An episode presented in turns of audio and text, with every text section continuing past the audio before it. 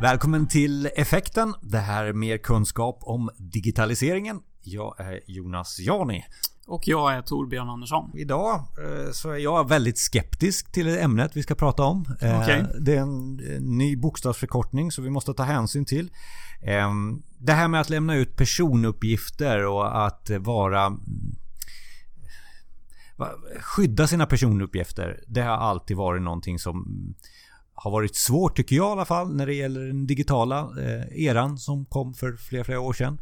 Vi har haft lagar i, i Sverige och nu kommer det en ny lag som heter GDPR. Och jag är väldigt skeptisk eh, att, på alla nya lagar för det här kommer inte att fungera och det kommer vara min ståndpunkt under den här konversationen. Men Kan eh, bli en intressant diskussion. det kan det nog säkert bli. Men GDPR, vad står det för? Ja, det ska vi ta det från början. Det är General Data Protection Regulation. Så på svenska blir det den allmänna dataskyddsförordningen. Bara det blir jag trött. Så. Ja, det, det är helt enkelt ett, en EU-förordning. Som eh, till slut kommer bli en nationell lag i re- respektive EU-land. Men vi, vi pratar ju personuppgifter. Eh, duger inte den lagen som vi har idag som är PUL? Eh, Ja, vi har precis, vi har personuppgiftslagen idag. Eh, och den, den tillämpas ju idag på personuppgifter och eh, sträcker sig ju ganska långt. Men det kommer att bli en skärpning, eh, både när det gäller hantering av uppgifterna. Men vad man också vill uppnå är ju att ha ett gemensamt regelverk inom EU för att göra det, för att stärka EU och göra det enklare att hantera personuppgifter emellan medlemsländerna. kan man enkelt säga att man tar PUL och sen så ba- bakar man om den och gör den mera... Eh, lite mer djup. Ja, mer djup eh, och det är ju, det är ju skärpningar i den. Det är, det är ju tydligt att det är ju betydliga eh, hårdare krav kring personuppgifter i GDPR än PUL. Men vad vill man åstadkomma med, med eh, det här ifrån EU? Mm. Ja, man vill ju då åstadkomma just att göra det mer enklare för länder sinsemellan att, att hantera personuppgifter genom samma regelverk, samma metod, samma, samma lagar helt enkelt. Eh, det, är ju, det är ju där man vill få ut rent eh, produktivitetsmässigt då inom EU. Eh, sen vill man skärpa eh, kontrollen och eh, skärpa individers integritet. Så att man har ju kopplat på den, den här lagen med ganska kraftiga eh, viten och eh, skadeståndskrav. Som inte har funnits tidigare. Och det, och det är kanske där min skepsis handlar väldigt mycket om. Att ge en, eh, oss en ny lag eh, som... Eh, där man, jag, jag tycker de organisationer jag har jobbat med har svårt idag med PUL.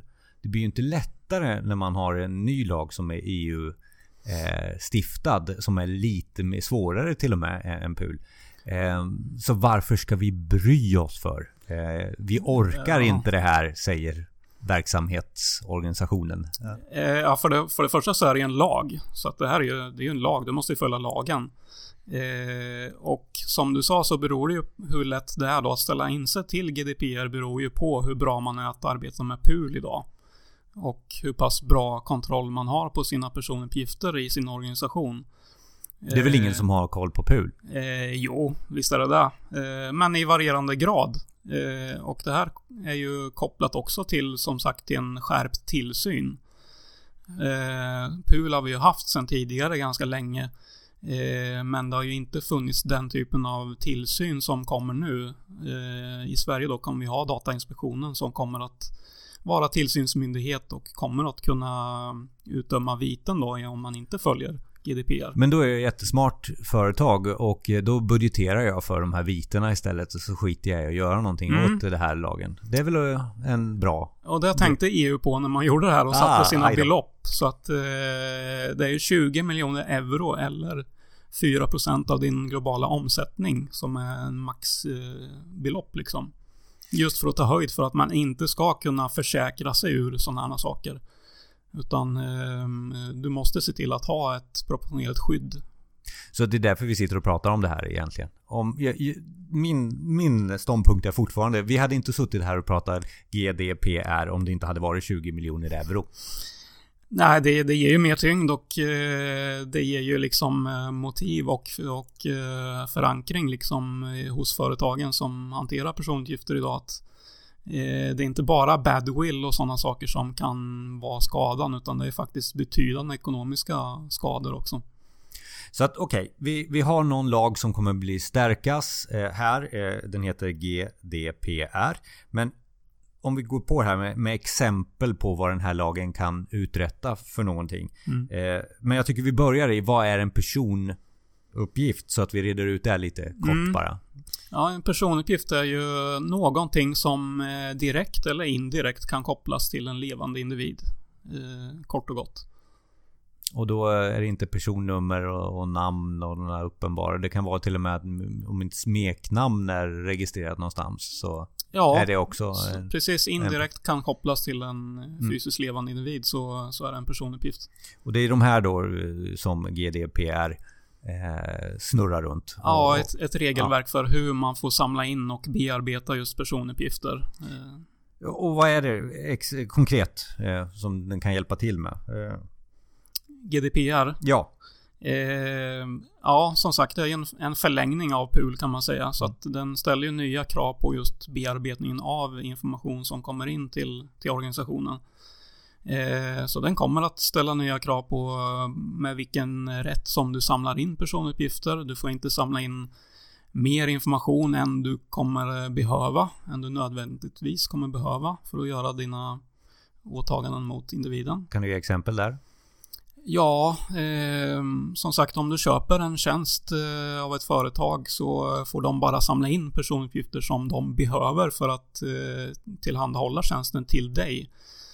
Och inte samla in några, någon eh, extra information som man tidigare kanske kunde ha gjort kring eh, uppgifter för att eh, få reda mer om kunden. Som egentligen inte är nödvändigt men som eh, företaget gärna vill samla in och vill lära känna kunden och vill veta så mycket som möjligt egentligen. Eh, men sådana uppgifter får man inte samla in om man inte har något skäl till det. Eh, I lagen står det också någonting om tydlighet. Eh, Precis, skärpt krav på, på just tydligheten eh, vad du ska göra med information du samlar in. Och sen har vi det här också där som man säger här, där man kallar samtycke. Att när du lämnar över dina personuppgifter till någon annan så måste det ty tydligt framgå att du gör det som en medveten handling. Och i det här samtycket ska det vara eh, klart och tydligt eh, kring vad som ska hända med dina uppgifter. Ja men det där finns ju idag. Det är ju bara en liten checkbox. Så här, du ja, samtycker så, till samtligt så här. Så bara, ja, så ja. ser det ut idag ja. Men det är ifrån maj 2018 kommer inte det se ut så. Det är inte tillräckligt att ha en pre-checked eh, box eh, på en, på en hemsida. Vad är tillräckligt då? ja, som sagt, det ska vara tydligt framgå på vilken laglig rätt som personuppgifterna samlas in. Vad som ska göras med uppgifterna, hur länge de kommer att finnas där och hur du även eh, hur du tar tillbaks din, ditt samtycke och dina uppgifter. Och allt detta på ett enkelt sätt står det också. Jag kan ju vara väldigt skeptisk eh, eftersom jag inte har sett någonting som är anpassat för den här nya lagen än egentligen. Men eh, du säger maj 2018, det, det är några år kvar. Eh, det kommer säkert vara lite praxis runt omkring det här när det släpps också lagen. Så kommer det att bli klarare ju närmare vi kommer det här datumet. För att just nu när du säger tydlighet till mig och jag inte får använda checkbox. Mm. Så vill ju jag se vad, vad ska jag göra istället? Ja, och eh, det är ju precis som du säger, det blir ju mer och mer tydligt ju närmare man kommer. Det, det har man kunnat följa nu eh, senaste året liksom.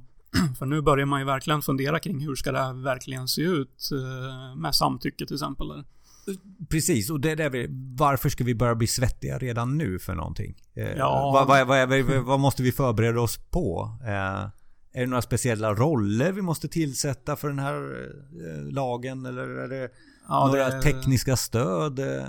Det är som sagt, det här är en förlängning av PUL och det är skillnader på ganska många områden. Det är en skärpning av ganska många områden så att det här måste man gå igenom och titta på eh, tillsammans med sina jurister och i sin organisation. Titta på vad är det som just jag behöver göra för att anpassa mig till GDPR. Och om vi börjar med några områden då. Eh, roller då, jag nämnde roller. Är det några nya roller i verksamheterna som man behöver?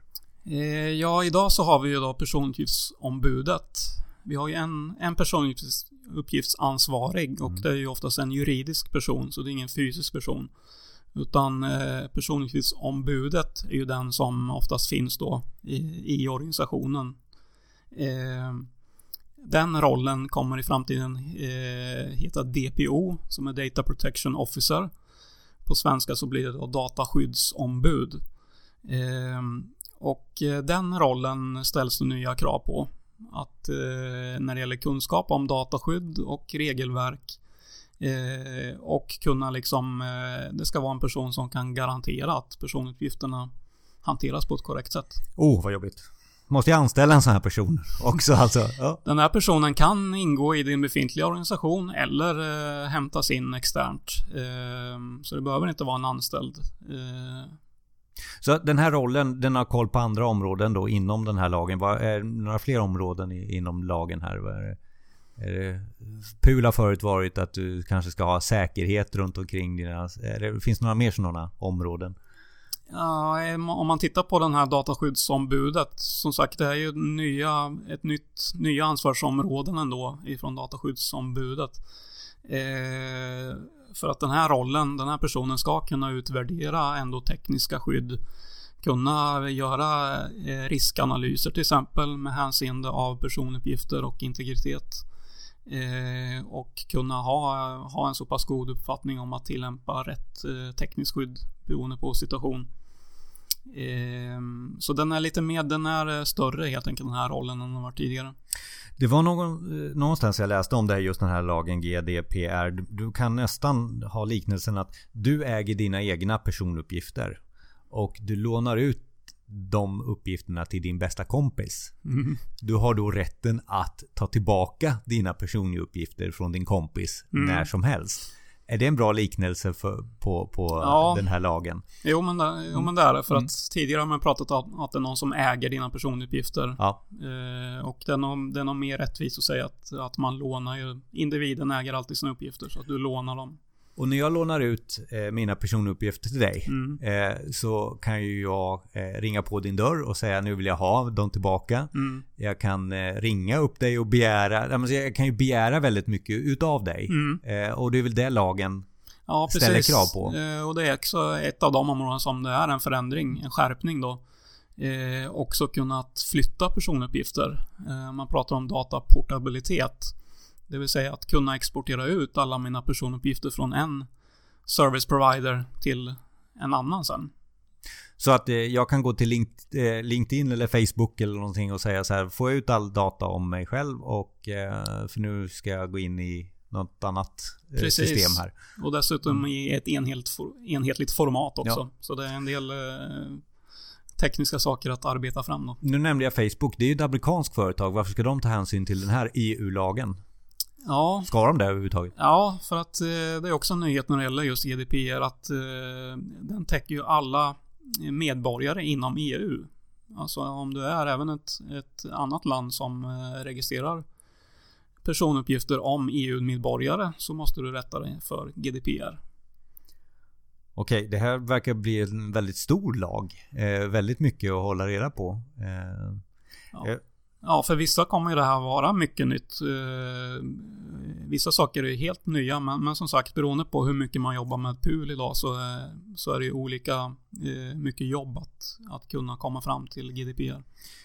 finns några... Jag, har sett någonting också att man måste rapportera någonting inom 72 timmar. Vad var det för någonting? Exakt, det är också en, en ny sak här när det gäller incidentrapportering. Om det sker ett dataläckage eller dataintrång som kan äventyra eh, personuppgifter. Eh, så måste det anmälas då till respektive lands tillsynsmyndighet. I Sverige Datainspektionen. Eh, inom 72 timmar.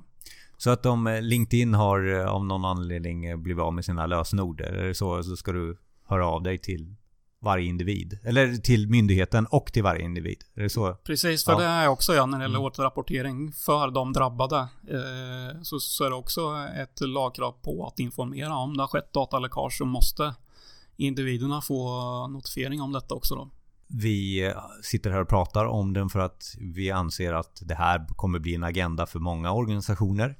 Eh, var var ska vi börja någonstans som organisation för att ta oss an den här GDPR-lagen, mm. checklistan? Ja, eh, och det beror ju helt på vilken organisation förstås och vilken bransch man arbetar i.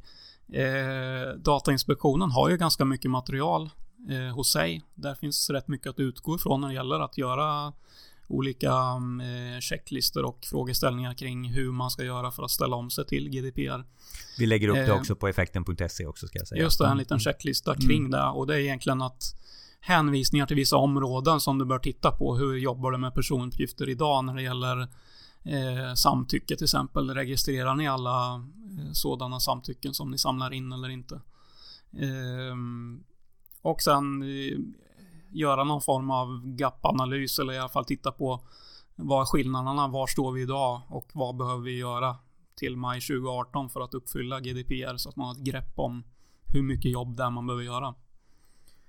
Det verkar inte finnas någon sån här riktig silver bullet för att lösa det här på ett enkelt sätt. Utan det är ganska stora mm, checkboxar du... du... Ja, det, det är ju det. Helt beroende på vilken organisation det är. Men ingen silver bullet den här gången heller. Utan det är det vanliga att titta på din organisation.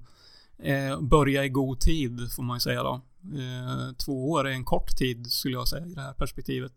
Beroende på vem man är. Men liksom eh, börja nu för att det kommer bli svett, svettigt i slutet eh, annars. Eh, för att det kan ju vara så att du måste göra nyinvesteringar kanske med tekniska skydd som du inte har idag eller eh, förändra arbetssätt i en organisation, eh, skriva om nya avtal. Eh, eh, det kan behövas nya ledningsbeslut till och med så att det, det finns mycket att, att gå igenom. Mina anteckningar där, där du säger om checklistan det är att eh, utbildning kan vara en punkt. Precis. Två, eh, det är ny, ny teknik kanske. Tre, nytt arbetssätt, nya processer, nya rutiner. Mm. Eh, nya avtal. Mm. Då kanske med eh, dina kunder till och med. Mm. mm. Och några former av ledningsbeslut. Den här rollen, B, DBO. Det måste, DBO, du, ja. måste du också tillsätta på något sätt i ledningsbeslut här. Mm. Men det är säkert fler på den ja, här checklistan? Ja, det är säkert fler. Men alla de punkterna nu är just sånt som tar lite tid liksom. Mm. Så att eh, börja så snart som möjligt är mitt råd. Vi kommer lämna ut eh, som sagt var den här checklistan lite kort på effekten.se. Några mer källor om man ska titta? Datainspektionen pratar du om. Eh. eh precis, Datainspektionen är bra. Eh, även EU e själva har ju förordningen och eh, mer material man kan läsa där då. Men Datainspektionen har bra saker. Och Torbjörn, eh, din, eh, dina kontaktuppgifter finns ju också på eh, effekten.se så att mm. där finns det en bra källa också. Ja. GDPR, lägg det på minnet. Vad är det? 25 maj 2018. Då switchar vi. Ja, då är det dagen det. Då börjar allvaret. Mm. Tack så mycket för Tobbe. Effekten.se är adressen för mer information. Jag är Jonas Jani. Tack så mycket.